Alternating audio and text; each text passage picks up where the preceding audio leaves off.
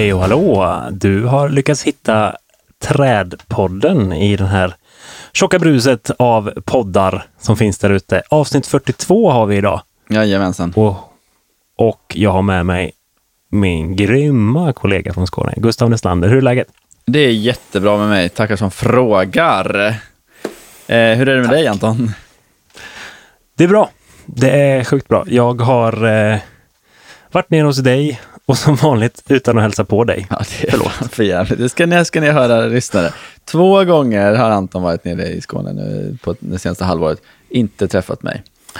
Nej, jag har nästan varit så jag varit inne i din trädgård och kramat din tona, men inte sagt något till dig. Nej, så illa är det inte. ja. Nej, men ja, det är, det är bra. Jag, vi har varit nere i Skåne med, med jobbet och boostat lite vår. Okej, okay. det kan behövas. Ja, det kan behövas. Dock prickade vi in Skånes kallaste två dagar. Jag fattar inte. Jag hade glömt den här fruktansvärda Skåne citattecken vintern. Du vet den här goa kalla grejen som kryper in innanför jackan. Mm. Mm. Två grader och så bara rått, rått, rått, rått. Precis. Men eh, fick nice. du se någon vintergäck och lite snödroppar och lite sånt eller? Ja, snödropparna såg vi lite Skillarna börjar titta fram nu också. Mm. Och eh, vad har jag sett? Almen är ju på G att slå ut de, det mm. almslyt som finns i alla fall. eh, det finns inga stora träd, men ja. Mm, nej, men jag gick rätt mycket i växthus och tittade på vårfloret. Det var ju väldigt mysigt. Mm. Det måste man säga. Kika på rompanserna som är på gång upp som kommer till oss som, ja, ja, vad blir det? Mm. Kolla vad, vad beställt och hur odlingarna går. Det är trevligt. Just det, för det är till ert sommarblomsprogram så ska ni sätta ut massa sommarblommor. Och då Mm. odlas de i Skåne framförallt, eller? Ja, ja fr framförallt nu var det då panser, så det är våren först. Mm. Och den, den kommer inom en månad ungefär. Ja. Och så stämde av lite sommarblommor och eh, ja, bara den grejen att titta, gå hos odlare som eh, driver tulpaner Ja, i växthus. Det är ju löjligt. ja det är ju mäktigt, verkligen. Ja, men precis. Det, det är panser framförallt som kommer att levereras till oss inom en månad. Så att eh, de mådde bra och låg i fas, så det var väldigt trevligt. Kikade på också på odlare som också driver tulpaner. Det är ju väldigt fint att bara gå och känna på tulpan eh, skälkar som är på väg upp. Det är också en härlig eh, vårupplevelse. Sen var vi kikade på lite blå, grå, svarta, gröna lösningar i Malmö. Ja, fräckt. Mm, jag var hängde med din gamla arbetsgivare. Det var supertrevligt. Ja, just det. Scandinavian Green Roof Institute. Exakt. Så det var kul. Tittade på ett grönare Möllan och de projekten. Ja, Det, mm, det var kul. Vi stod ganska länge och diskuterade på ett ställe där det finns eh, eh, en form av rain garden eh, som har bland annat Kentucky Café i sig. mm. Och jag är med lite kollegor som inte har en fullt grön bakgrund. De bara, det här är... Ska Dött. inte hänga ut någon. det här var inte det fagraste.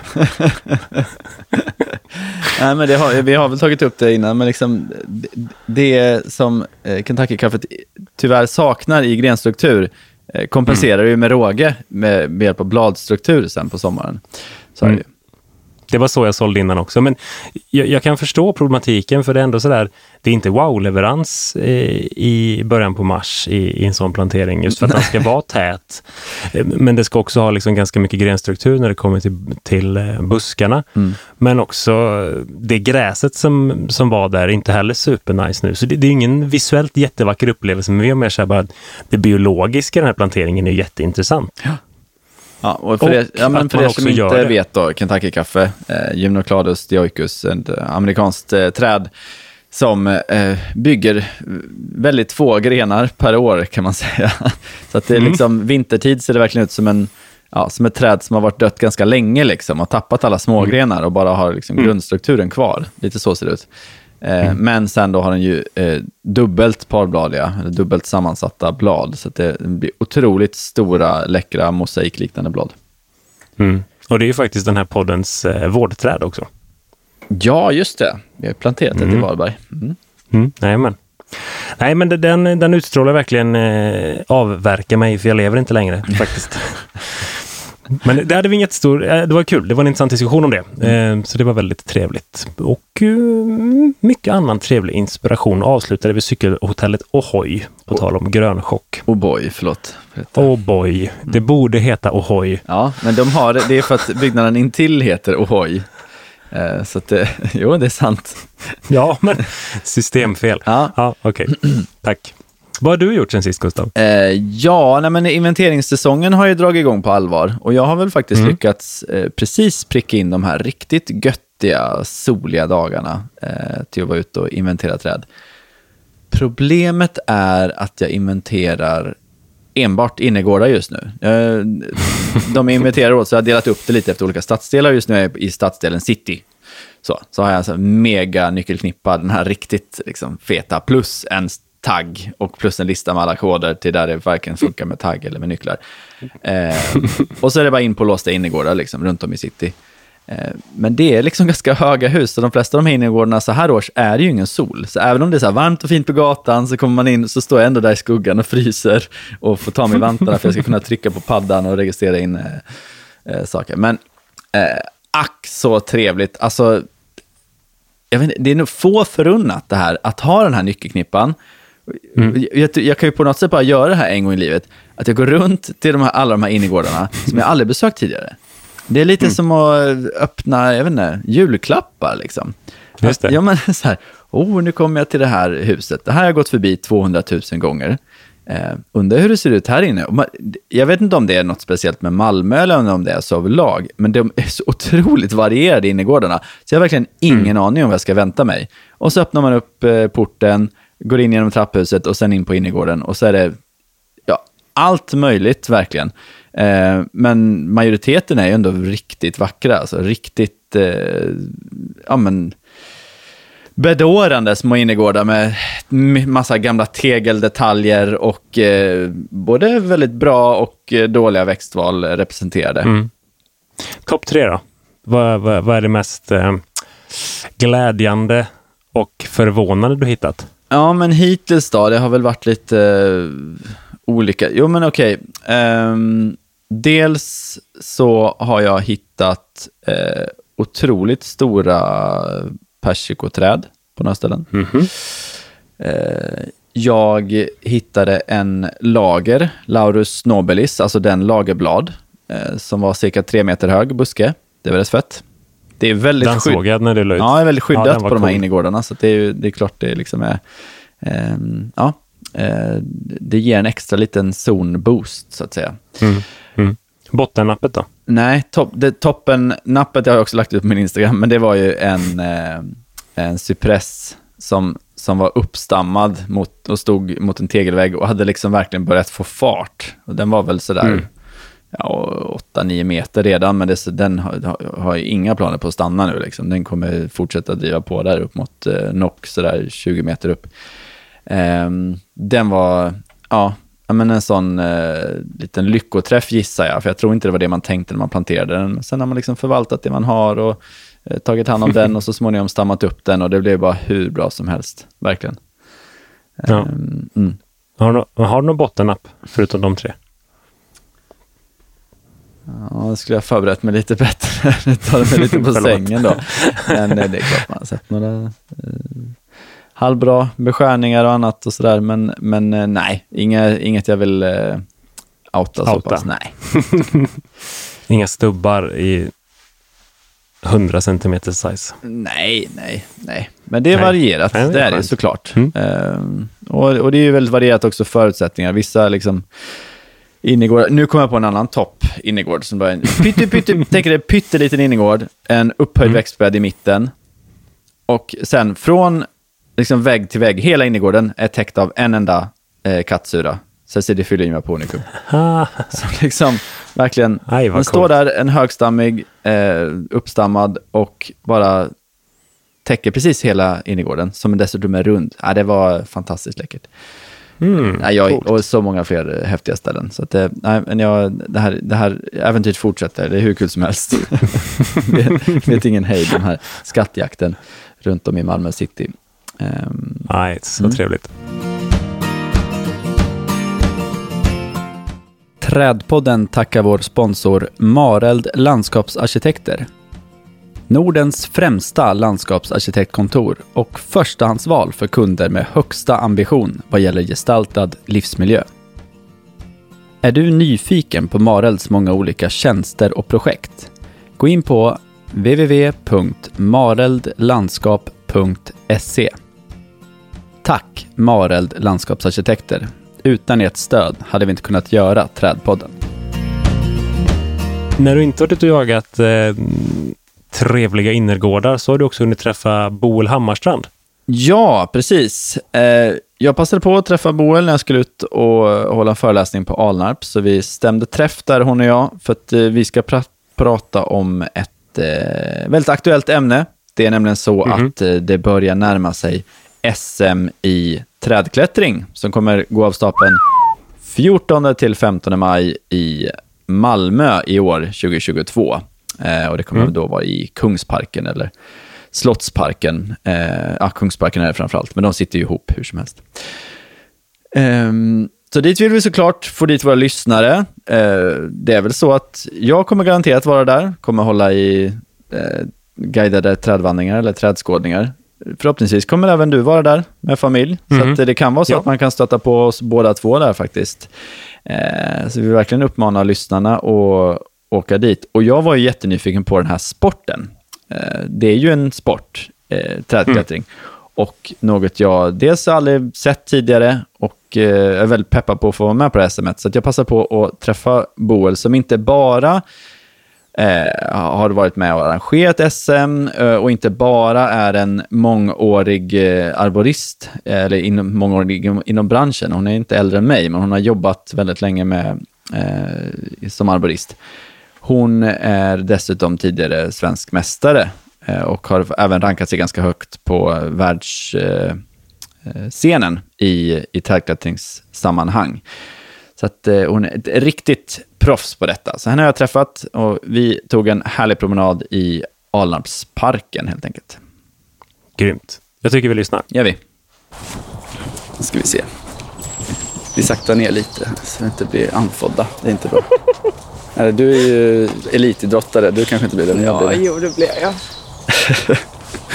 Då skulle jag vilja hälsa Boel Hammarstrand hjärtligt välkommen till podden. Tack så mycket. Välkommen. Eh, vi träffas här idag i eh, Alnarpsskogen, eller Alnarpsparken, eller vad säger man? Ja, jag vet inte. Alnarpsparken. Ja, en riktigt strålande dag ska ni veta, ni som lyssnar. Det är tidig morgon här, eh, solen lyser lite på snedden genom parken och som ni hör är det fullt med fågelkvitter och riktigt mycket vår i luften. Ja, precis. Jättehärligt väder. Ehm, vi ska prata med dig dels för att prata om eh, eh, SM i trädklättring, eller om, om trädklättring som sport överhuvudtaget. Ja, Men lyssnarna vill veta lite om dig och vem du är. Ja, Ehm, så du är klättrande arborist, så vitt jag vet. Ja, precis. Både anställning och eget företag. ja. Och du sitter med i styrelsen till Svenska trädföreningen. Precis. Det är väl jag i ett nötskal. Jag är, jag är från Eslöv. Ehm, jag tycker om enhörningar och lila. Ehm, och eh, jag tycker om att klättra i träd. Ja. Jag har jobbat inom branschen sedan 2006. Så att det börjar bli en liten stund som jag har varit involverad med träd. Det är ganska imponerande. Då är det, alltså, jag vet inte, hade du ens gått ut gymnasiet 2006? Eller så? 2006 gick jag ut gymnasiet. Ja. Mm. Eh, Så när jag gick ut gymnasiet så åkte jag till England. Eller sista året på gymnasiet så gjorde jag ehm, ehm, praktik hos ett företag i England och det råkade vara ett arboristföretag. Och sen så när jag hade gått ut gymnasiet så kom jag fram till att det kanske var bra att lära sig engelska. Så då åkte jag tillbaka till England för att jobba med det här företaget för att lära mig engelska. Ehm, men sen så kom jag fram till att det var himla kul att klättra i träd. Så att jag fortsatte med det och blev kvar i England ett par år till. Ja. eh, Och lärde mig att klättra i träd. Men Alltså ett och ett halvt decennium med, Ungefär. med trädklättring. Ja, precis. Ja, det är imponerande. Ja, det är kul. Men eh, hur kommer det sig att du arbetar med träd från första början? Skulle säga? Har du, kan du på något sätt säga att det är kopplat till din uppväxt eller, eller något sånt? Egentligen inte. Alltså jag har alltid tyckt om att klättra eh, och har klättrat liksom dörrkarmar och byggställningar när vi byggde om huset och klättrat träd och klättrat stegar. Men det är liksom aldrig någonting sånt som jag tänkte att det här är vad jag vill jobba med. Men när jag gick naturbruksgymnasiet på Vilan så min bästa kompis hon ville bli arborist. Ehm, så vi skulle göra en träklättrings kurs tillsammans, en två veckors kurs. Eh, men så hade hon skadat knät så då fick jag klättra för oss bägge båda. Så jag brukar skylla på henne att det är hennes fel att jag, jag klättrar i träd. Okej. Men eh, det, låter som att det, det är själva klättringen som är den största tjusningen, eller? Ja, Ja. klättra i träd. Ja, precis. Um, alltså vara uppe i kronorna och ehm, ja, uppe i träden och, och göra trädvårdsarbete är ju mycket roligare än att bara vara på marken och fälla massa saker. Ja, men då kommer vi in på det ändå. Liksom. Hur, hur stor del av, inte arbetsdagen, men av en arbetsvecka eh, klättrar du och vårdar träd kontra stå på marken och, och fäller? Nu ska vi igenom en grind här bara. Vänta. Ja, Jag tror den är, det är bara att öppna. ja det var det. Ehm, det är svårt att säga, det beror på lite. Alltså det mesta är ju trädvård. Men sen så, så kan det ju vara att man behöver ta bort något träd för att ett annat träd ska kunna må bättre. Eh, så jag hade ju sagt att det är nog mer beskärningar än rena fällningar. Ehm, och sen så beror det ju på om man jobbar för privatkunder eller om man jobbar för ja, kommun eller någon annan form av ehm, större organisation. Ehm, så jag hade kanske gissat att det är väl 80% beskärning och 20 fällningar. Ja, Okej, det är så pass ändå. Det, det har jag lite så förutfattad mening om arborister. Att det är snarare tvärtom, att det är 80% trädfällning. Men det kanske beror på vem man är och vad man har för nisch. Ja, kanske. Eh, Eller så är det bara jag som försöker vara positiv och ignorera vissa av de här träfällningarna som vi gör. Eh, Men jag hade sagt att det är mer, mer beskärningar eh, än hälften. Det är mer trädvård än rena fällningar. Och sen så är det ju mycket det här att folk vill ju ha bort träd för att de ska bygga en pool eller för att de ska få mindre löv eller Ja. för att de tror att solen går upp i fel riktning. Men de jobben tar man liksom. Det är bara, ja ja, visst, okej. Det är fullt friskt, men vi kör fram med... När man jobbar som anställd Ja. så gör man ju vad man blir tillsagd att göra. Eh, inte helt... Vore lite men- jobbigt annars. Ja, precis. Alltså man tänker ju själv, kan man hitta någon annan lösning så kan man ju föreslå det. Men man kan ju inte säga nej, det här vill vi inte fälla. Eller så. Alltså, det är ju klart att om det är någonting som är osäkert eller farligt att man kan säga att det här gör jag inte. För att det är utanför min kunskapsnivå. Men om jobbet är ju att ta ner ett stort fint friskt träd eh, och det inte finns några säkerhetsaspekter så är man ju Antingen så får man ju hitta ett annat företag att jobba på om man nu inte vill göra det. Ja. Eller så får man ju acceptera att vissa träd behöver försvinnas för att andra träd ska kunna växa eller för att människor ska kunna leva i harmoni med de träden som finns kvar. Du säger att du älskar att klättra i träd och, och liksom... Vad, vad är det bästa med att vara arborist? Eller vad, vad, vad är det Allt. bästa med yrket? Ja. Allt. Ehm, alltså ingen arbetsdag är i sig lik för alla träd är olika och även om träden är lika så kan det vara olika arbetsuppgifter man gör. Eh, så att det är väldigt mycket variation. Ehm, man får lov att vara ute i naturen när det är sånt här himla fint väder. Och när det är mindre fint väder också kan jag tänka mig. Ja, fast ofta så är vädret väldigt snällt. Det brukar regna på nätterna. Det regnar inte så mycket på dagarna. Ja, I alla fall inte när man är så här ute och jobbar. Eller, så att det stör. Alltså det är klart att det finns tråkiga dagar, men i fjol det är en blöt dag jag kan komma ihåg. Och jag är säker på att det regnade mer än en dag. Ja. Men den här blöta dagen som jag kan komma ihåg, det var en himla rolig dag för jobbet gick så himla bra. så att det är ju liksom... Det, det var kul. Vi hade jättekul. Ehm, ja, nu minns jag inte vad du frågade. Ja, vad, vad är det bästa med arborist? jag tror, någonting med att vara ute och så vidare. Och, Ja, och klättra i träd och lära sig andra saker. Alltså man jobbar ju med levande organismer Ja. så att, att det är ju ett, ett vårdande intresse och sen så hitta liksom då eh, ett sätt att få träd och människor att kunna leva i harmoni. Ehm, och kunna få människor att inse att alla träd är inte farliga och hitta lösningar som gör att man kan ha träd kvar på platser där önskemålet var att få bort trädet. Det är ju ganska kul det med. Det måste vara jättegivande. Ja. Men du, den här klättringen, klättrar du även på fritiden utanför arbetstid? Eh, Jag klättrar, jag gör träklättringstävlingar på fritiden utanför arbetstid, ja. Ja. Men jag klättrar inte, jag gör inte bajsklättring eller annat sånt läskigt. Nej, nej. Okej. Ibland så klättrar jag lite inomhus på vägg, men alltså nej, bajsklättring är läskigt så det gör jag inte. Ja. Bara träklättring med Ja. motorsåg. Det är inte läskigt. Okej, stil eller Huskvarna? Det beror på vad du ska göra. Ja. Ehm, Jag har både, personligen så har jag både stil och Husqvarna. Okej. Ehm, Det finns olika Jag trodde det var saker med som bägge att heja på både Arsenal och Chelsea samtidigt. Liksom. Är det... Fotboll som fotboll. Ja. Um, alltså varje såg har ju, det, så det finns ju olika sågar för olika, olika saker. Ehm, så att det, det är jättesvårt att välja mellan, mellan stil och Husqvarna. De flesta sågarna jag har är Husqvarna. Ehm, men jag har stilsågar också som, som är liksom som, som mina små bebisar som jag tycker jättemycket om. Okej.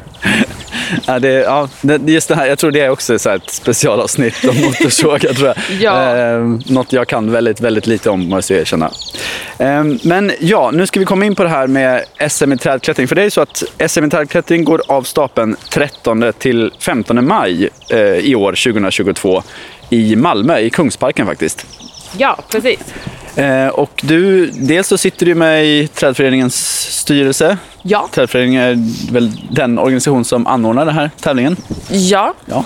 Eh, och sen så har ju du tävlat många gånger förut, eller hur? ja, det har jag. Och jag har tänkt att fortsätta tävla många gånger till. Ja, det låter bra. Jag tror att våra lyssnare är ju hemskt nyfikna på det här med SM i trädklättring. Det ja, det är bara, du får gärna berätta, vad gör man? Vad går det ut på? Ehm, alltså det, då, tävlingen börjar då för de tävlande på fredagen och då är det genomgång av momenten och så är det utrustningskontroll och lite information. Och sen så på lördagen så börjar då eh, själva tävlingen och då gör vi fem delmoment. Så där är arbetsklättring, räddning, säkrad snabbklättring, uppstigning och kastlina. Och sen så på söndagen så är det final. Ehm, så de olika momenten, kastlina, då har vi en liten, liten tyngd, en liten kastpåse som vi kastar upp i olika klykor i träden och så får vi olika mycket poäng beroende på vilka klykor vi träffar. Eh, upp... Det är som prickskytte då? Ja, ungefär. Precis. Okej. Eh, så då ska man få upp kastlinan och sen ska man få upp ett rep. Hur ser kastlinan ut då? Det är en, Min är rosa. Ja, och, och så är det en liten sandpåse på, eller? Ja, precis. En sandpåse med bly som väger mellan ja, 8 ounces till 14 ounces. Okej. Ehm, Är det, vadå, är det olika klasser då, eller? Du får välja själv? nej, precis. Man får välja själv. Så olika vikt beroende på, dels beroende på vilket träslag det är, kanske beroende på hur högt man ska. Med en lättare påse så kommer man högre. Men det kan vara svårare att få ner den på ett, ett grovbarkigt träd. Mm. Ehm, så jag tror att det är typ ehm, mellan 250 till 400 gram i vikt. Okej. Och så den kastar man för hand? Ja, precis. Den kastar man för hand. Eh, och så har man ett långt snöre. ehm, 1,1 till 1,3 millimeter tjockt, 60 meter långt. Eh, beroende på hur högt man behöver komma. Eh, och så kastar man och så kommer det genom klykan och så ska man ha den isolerad. Och sen så drar man upp ett rep och så kan man då få maxpoänget man kan få är 30 poäng. Eh, men man kan få 3, 5, 7 eller 9 poäng för de olika klykorna. Ehm, och så får man poäng för repet. Men det här är något du står hemma och övar på liksom? Nej, men när man jobbar så behöver man ju komma upp i trädet just så då kan man ju öva. Okej, och, och s- det är ett delmoment förstår? Ja, precis. Berätta om de andra då. Eh, sen så finns det då eh, säkrad snabbklättring som är lite mer likt bergsklättring. Där man klättrar en struktur, så man klättrar en förutbestämd rutt uppe i trädet. Eh, och snabbaste tiden vinner. Ehm, och då är man säkrad från marken, så man säkrar inte sig själv utan man, man, man ja, ungefär som sportsklättring. Man, man klättrar upp snabbt. Men det är bara snabbt som gäller? Ja, bara snabbt som gäller. Snabbaste tiden ge- vinner. Okej. Eh, Det känns som att det är det här man verkligen vill se. Det, det, måste, det är ganska spektakulärt, antar jag. Jag får erkänna, jag har aldrig varit på en Ja, alltså, så- ja, det är ganska så spektakulärt. Men samtidigt så beroende på hur träden ser ut så kan det ju vara svårt att se för att det är mycket grenar och löv och annat i vägen. Just för det momentet. För att om man klättrar då 30 sekunder så är det ju inte jättemycket tid man har på sig att titta. Eh, och sen så finns där eh, Open Ascent uppstigning där man installerar ett uppstigningssystem och sen så klättrar man upp och så ringer man i en klocka och sen så ska man koppla om sig till ett nedfjädringssystem. Eh, och där är också tidsaspekt en stor del, men där är mycket annat man kan göra för att få, det är uppdelat i tre poäng eh, sektioner. Så man kan få poäng i alla de här tre sektionerna varav bara den ena sektionen är baserat på tid. Eh, jag Det låter lite krångligt. Ja, jag försöker förklara så att det inte ska vara allt för krångligt för att förstå. Egentligen så är det inte så krångligt. Man ska klättra upp ett träd och så har du olika delmål längs med vägen. Man, kl- man klättrar upp på rep, så man Ja. klättrar ett frihängande rep mellan 12 och 25 meter. Ehm, det är inte snabbaste tiden som vinner. Eh, snabbaste tiden placerar väldigt högt. Långsammaste tiden eh, placerar nog inte. Eh, så tiden är ju en väldigt stor del. Och sen så Vad, vad är den andra delen då? Ehm, hur lång tid det tar att installera sin, sitt eh, system Ja. och sen hur lång tid det tar att koppla om från uppstigning till nedfyrningssystem. Eh, men där så har man en mellan 0 till 10 sekunder och mellan 10 till 25 sekunder. Så där är det tid brackets. Ja, eh, ja, jag förstår vad du menar. Ja, Etapper eller... eller tids- precis. Så, ja. så länge man hamnar mellan de här två så får man två poäng eller tre poäng. Ja, ja, ja. Ehm, så att om man tar liksom 24 sekunder på sig eller om man tar 13 sekunder så får man lika många poäng. Så därför spelar tiden inte lika stor roll på eh, installation av utrustning eller omkoppling till nedfyrningssystem. Eh, och sen så ska vi se här, har vi arbetsklättring. Ja. Och då börjar man högst upp i trädet och så klättrar man runt till olika stationer och utför olika saker. Ehm, så man ringer i klockor med handsåg, ehm, man ringer i en klocka med en stångsåg, man kastar ner en pinne i en måltavla på marken. Eh, man klättrar ut på en gren ehm, utan att grenen rör sig för mycket. Så det är för att mimera mer de här vanliga arbetsuppgifterna som vi gör som arborister. Klättra runt i ett träd och utföra olika saker. Ehm, där har man fem eller sex minuter på sig, men det är inte tiden som är det avgörande, utan man är dömd på hur man eh, rör sig i trädet, säkerhet, om man utför ehm, de sakerna man ska göra på stationerna i rätt ordning, stroppar in sig ehm, och så. Så att det, det är inte bara tiden som är avgörande där. Eh, och sen så det sista momentet är räddning. Eh, och då är man den första som har anlänt på en plats eh, där någon har skadats eller förolyckats. Och så ska man då gå igenom eh, räddningsplan, räddningsprocedurer, eh, tillkalla hjälp, ta sig upp och ta ner den skadade. Är det en docka eller? Oftast så är det en docka. Ja. Ibland så är det riktiga personer. ehm, men oftast så är det dockor.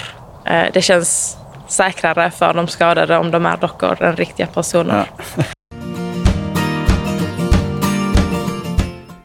Vi vill tacka vår sponsor Stångby Akademi. Stångby Akademi är ett grönt kompetenscenter som erbjuder kurser för dig som vill utvecklas i din yrkesroll. Du kanske vill bättra på din växtkännedom eller lära dig mer om beskärning och trädplantering. Gå in på stångbyakademi.nu för att ta del av deras ständigt uppdaterade utbud av kurser. Stångby Akademi hjälper dig till rätt kompetens för ditt projekt enligt mottot Tillsammans bygger vi framtidens gröna nätverk. Ja. Okej, men innan vi går in på eh, dina meriter ja. så får du säga, du får själv avgöra här. Vilken, vilket delmoment är det högst prestige i? Liksom? Det som jag tycker är roligast det är räddning. Ja. Ehm, räddning och arbetsklättring.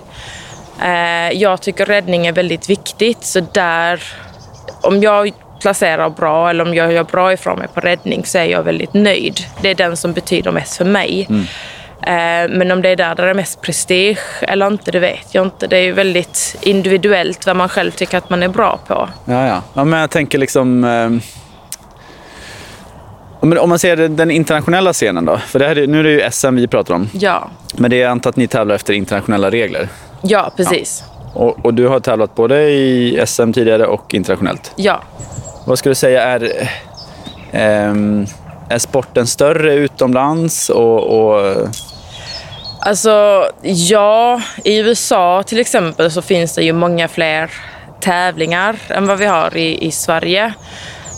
Um, tävlingarna så som SM är uppbyggt, de följer ISAs och International Society of Arboricultures regler. Mm. Och ISA finns ju baserat i USA och varje chapter, eller så här del, får lov att ha en tävling.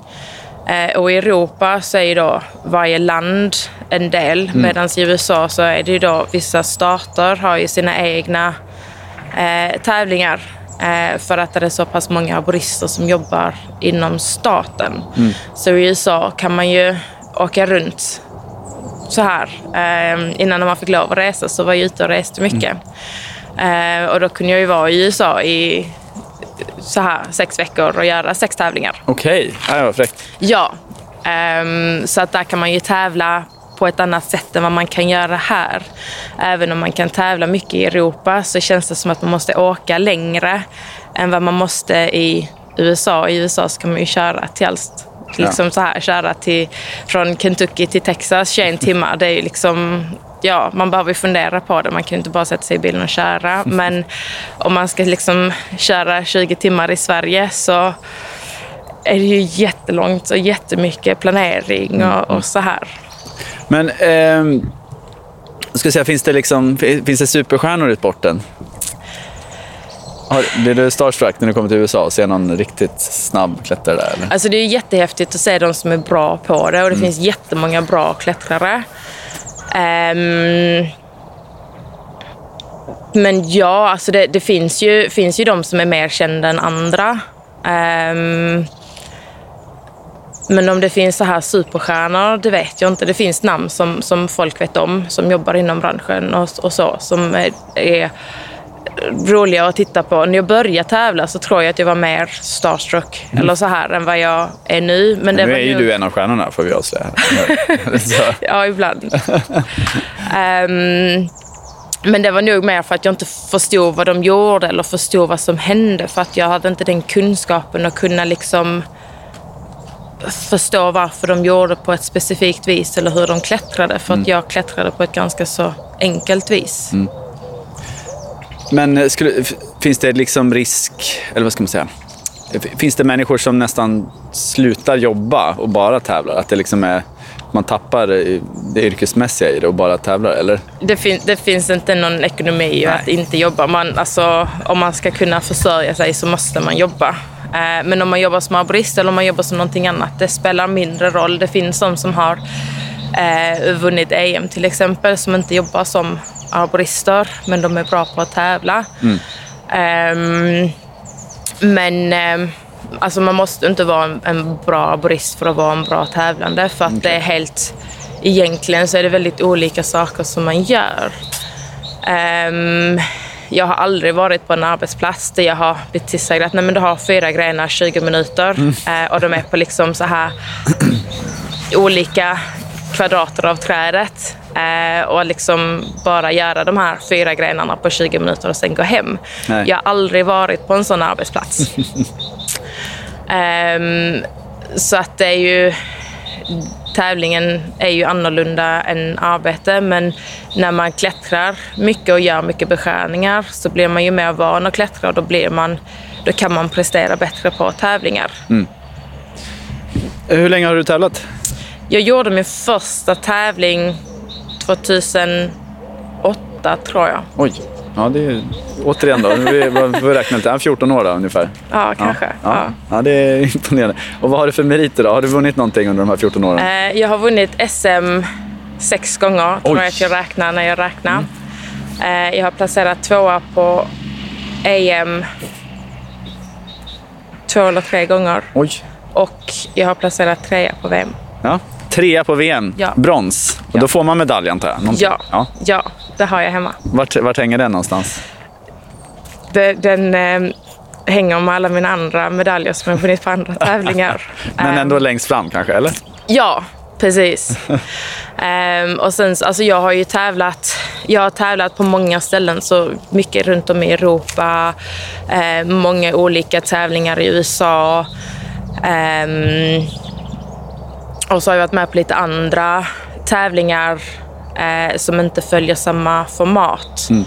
Ehm, där man då tävlar på lite andra vis. Där man inte har herr och damklass till exempel, utan man bara har klättrare. Eh, och på en av de tävlingarna så kom jag tvåa i räddningen av, jag tror vi var 40 klättrare. Och det var 0,33 poäng skillnad mellan mig och han som kom etta. Ah, surt. Ja, fast... Men ändå nice så Ja, sig så högt upp. precis. Och han då som, som vann, ehm, till mig säger han lite av en sån här wow. Han är, han är jätteduktig, ehm, men han är inte med på så jättemånga ISA-tävlingar, så han är inte känd inom den kretsen. Ehm, så att, eh, men det är kul. Vi, vi knattar lite igen Ja. Ehm, men vad, ja, vad är största tjusningen med själva tävlandet då? Um, att man är med liktänkande. Uh, alltså alla inom, inom klättervärlden, det är ju liksom en enda stor familj. Uh, så att det är ju precis som att träffa um, alla sina släktingar som man inte träffar i vanliga fall. Så att det är ju som en jättestor familjefest. Eh, och sen så Träklättringstävlingar är nog en av de mest hjälpsamma sporterna som jag kan tänka mig. För att där kan man diskutera hur man tänker möta ett event, till exempel i räddningen. Jag tänker göra så här, vad tycker du om det? Med sina motståndare. Man kan låna utrustning, man hjälper varandra att göra det bästa man kan göra. Så även om man tävlar mot varandra så är det som en stor lagsport. Där alla liksom hjälper alla för att det ska gå så bra som möjligt för dem. Ja. Så det, det är inga ärkerivaler? Nej, Nej, oftast inte. vad skönt. Ja, Men jag tänker, nu är det kanske många lyssnare här som blir lite nyfikna och kanske vill eh, komma till Malmö här i eh, maj och titta på detta. ja det tycker jag. Eh, vad, ja, hur ska man gå tillväga? Vad gör man? Eh, kör till Malmö den 14 maj, parkera någonstans, gå till Kungsparken och eh, titta. Ja. Är inget inträde antar jag och sådär. Nej, precis. Inget in- inträde. Eh, om man tröttnar på att titta på träd eller titta på klättrare i träden så finns det annat som händer samtidigt i Kungsparken. Så Malmö arrangerar en trädfest samtidigt. Så det kommer att vara trädvandringar, det kommer att vara barnklättring. Um, scouterna kommer vara där. Ehm, så att det kommer vara saker för hela familjen att göra. Så även om man har små barn så kan man ta dem med sig och hitta någonting för dem att göra medan man själv står och tittar på träklättrings-SM. Det låter som en riktigt toppen eh, helg. Jag får Ja. avslöja. Jag är en av de som håller de här trädvandringarna. Så det, det kan man få följa med mig och kolla på träd i parken eh, mellan tävlingarna. Ja, Ehm, ja men vad kul, jag ser verkligen fram emot den här helgen. Eh, så 14-15 maj är det själva huvudtävlingarna. Man kan, och, och, eh, ska man tävla så ska man komma redan den 13, eller hur? ja precis. precis. Om man går in på Svenska Trädföreningens hemsida så hittar man anmälningsformulär om man vill anmäla sig till tävlingen eller om man vill anmäla sig som volontär eller domare. Det låter ju svårt att vara domare. Jag tycker det var jättekrångliga regler. Men det, det är öppet ändå. Liksom. Um, alltså, det, det finns ju en, en utväljningsprocess så ofta så behöver man ju ha gjort någon form av, av dömning på träklättringstävling tidigare. Men eh, jag tänker att det kanske finns de som har glömt anmäla sig som Ja. lyssnar på Träpodden ändå, som har varit med som domare tidigare. Ja, men du, du arrangerar ju inte bara SM i trädklättring. Eh, Jag vet även att du arrangerar något som heter Women's Arb Camp.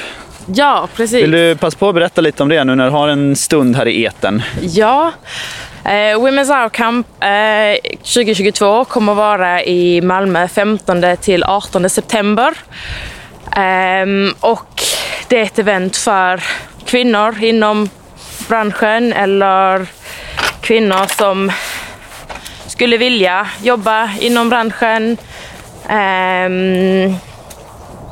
Och för de som har liksom en passion för träd. Ehm, och det är ett, ett event där vi kan nätverka och lära oss och träffas och umgås med andra liksinnande inom branschen. Ehm, där vi inte behöver vara en minoritet. Då börjar det bli dags att avrunda den här intervjun. Men innan vi tackar av dig, Boel, så eh, brukar de flesta, eller alla tror jag, hittills av våra gäster få komma med något resetips. Ehm, var skulle du vilja skicka våra lyssnare? Var som helst i världen. Eh, Men du får ju veta att de är väldigt förtjusta i träd i alla fall. Har du något bra tips? Jag hade nog rekommenderat Taiwan. Oj! Ehm, Taiwan är himla häftigt. Eh, där har de liksom allt. Um, både stora träd och små träd och höga träd och mindre höga träd och um, väldigt många olika ekosystem med träd. Så att de har ju liksom um, mountain rainforest och allting då från botten på berget upp till toppen. Stora gamla träd. Nu blir man ju lite nyfiken. Vad, vad har du gjort i Taiwan? Har du varit där och jobbat eller har du varit där på, på, som turist? Jag har varit där som eh, klättrande turist. Ja. Eh, jag har varit där och tävlat. Ehm, jag har varit där och eh, hjälpt till att arra- arrangera Women's Hour Camp i Taiwan. Ehm, och ja, åkt runt lite och tittat på lite olika träd och klättrat lite olika träd. Ja, utgått därifrån och gjort lite tävlingar i Asien. Ja, det låter ju döhäftigt. Jag blir väldigt lockad. Vi får se när väl den dagen kommer. Man kan Ja. åka till regnskogen igen. Men det, det var länge sedan nu, känns det som. Nej men Taiwan det är, det, är, det är ett av mina favoritställen jag har varit. Dit hade jag gärna åkt tillbaka igen. Det förstår jag. Men eh, Boel, tack så hemskt mycket för att du var med idag. Det var väldigt, väldigt trevligt att snacka med dig Ja. och eh, kul att få höra om eh, tävlingen. Vi får väl säga till lyssnarna att vi eh, ses då helt enkelt eh, 14 och 15 maj Ja, det tycker jag. i Kungsparken i Malmö. Hoppas vi Precis. träffar alla er där. Ja. Vi ses då. Ja, det är vi. Ja. Okej. Tack så mycket. Hej. Hej. Trädpodden tackar vår sponsor Bara Mineraler. Ett företag som står med båda fötterna på jorden i både tanke och handling. Bara Mineraler utvecklar produkter som är sprungna ur mark och mylla för att skapa levande och jordnära stadsrum. Besök baramineraler.se och inspireras av projekt byggda på goda grunder. Tack Bara Mineraler. Utan ert stöd hade vi inte kunnat göra Trädpodden. Ja, vad tycker du Anton? Blir du peppad på att joina mig i Malmö och titta på SM i trädklättring? Ja, verkligen. Det ska bli så kul. Ehm, kan inte lova att jag kan komma ner båda dagarna, men jag ska ner minst en av dagarna, absolut. Är du, är du peppad på att prova då? Är det så? Skulle du tro att du hade blivit en bra trädklättrare? en tävlande trädklättrare? Nej. Eh, det är jättekul att klättra i träd, eh, men jag har inte ambitionen att göra det speciellt fort. Och jag är lite för klumpig. Det är bara att inse det. Jag är inte så smidig liksom. Men jag var imponerad över att det fanns så många olika eh, grenar i grenen. Mm. Det tyckte jag var coolt. Grenar i trädet tror du skulle säga. Ja, skulle jag kunna sagt också. Eh, det är häftigt att de får in det, så det handlar inte bara om... nu får du ge dig.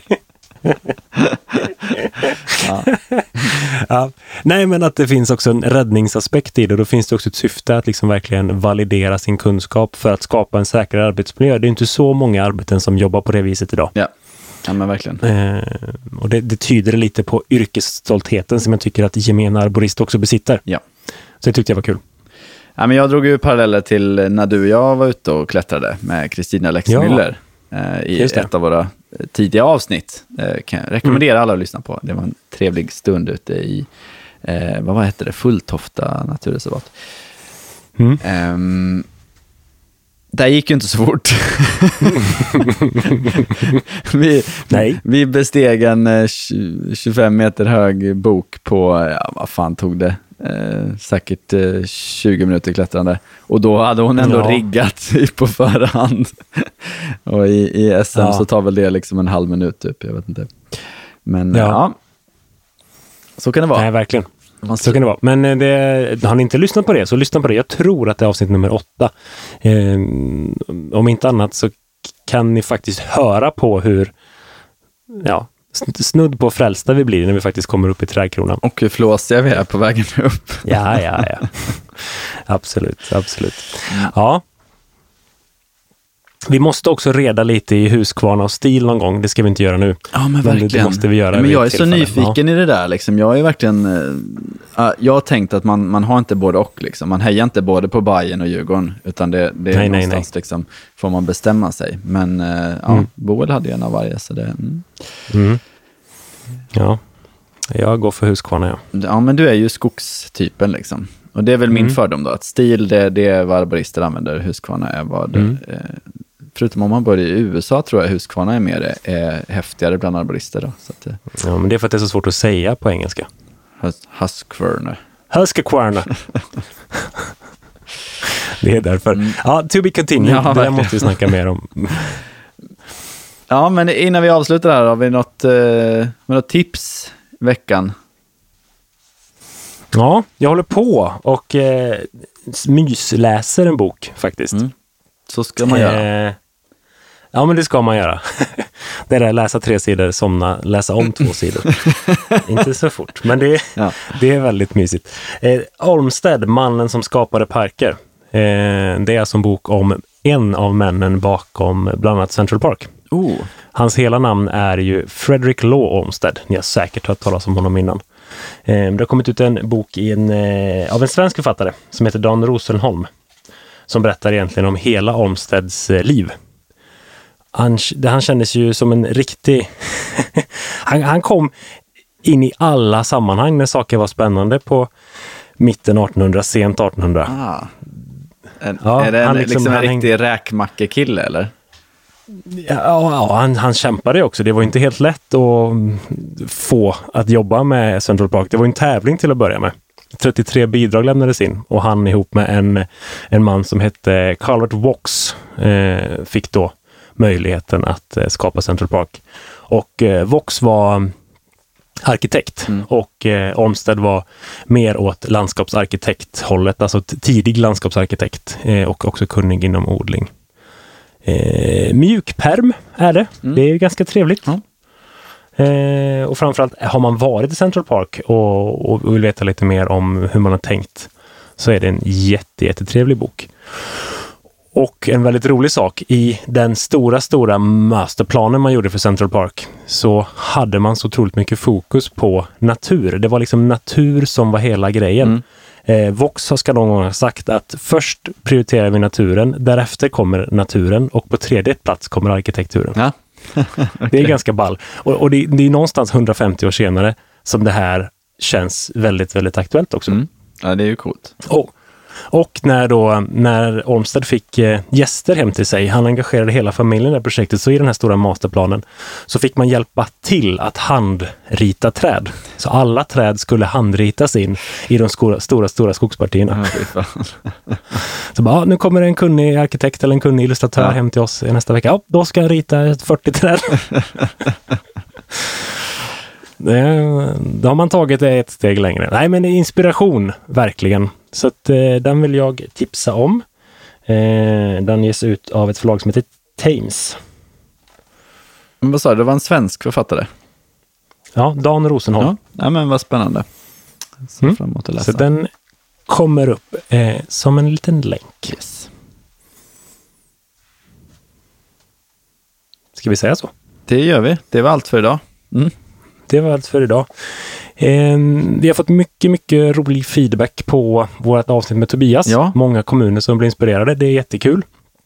Eh, har ni frågor om det där som är tekniska som inte jag och Gustav pallar och svara på så skickar vi dem vidare till Tobias. Mm.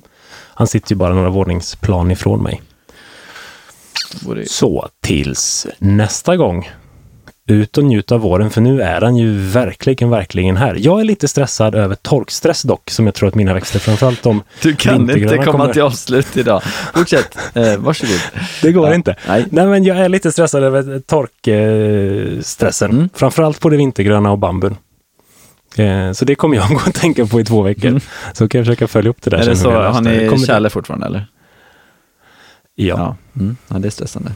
Det råder ingen kärle Och här. minus, minus sju på natten och så kan det vara plus tolv Mm. på klockan fyra på eftermiddagen. Aj, aj, aj. Det är inte bra. Mm. Så det kommer täckas, tror jag, en hel del eh, nyplanterad buxbomshäckklot som vi har på några ställen och lite, ja. Jag kan även säga min eukalyptus som har sett jätteglad ut hela vintern nu också börjar bli lite Mm. lila i bladen. Man behöver lite skraj, men det ska nog Mm. reda sig hoppas jag på. Mm. Mm, japp. All right. Tusen tack för att ni lyssnade. Ni vet vart vi finns i socia- sociala medier. Hör av er där om ni vill fråga något eller tipsa något eller snacka om något. Absolut. Ha det bra, hej då! Hej då, hej då.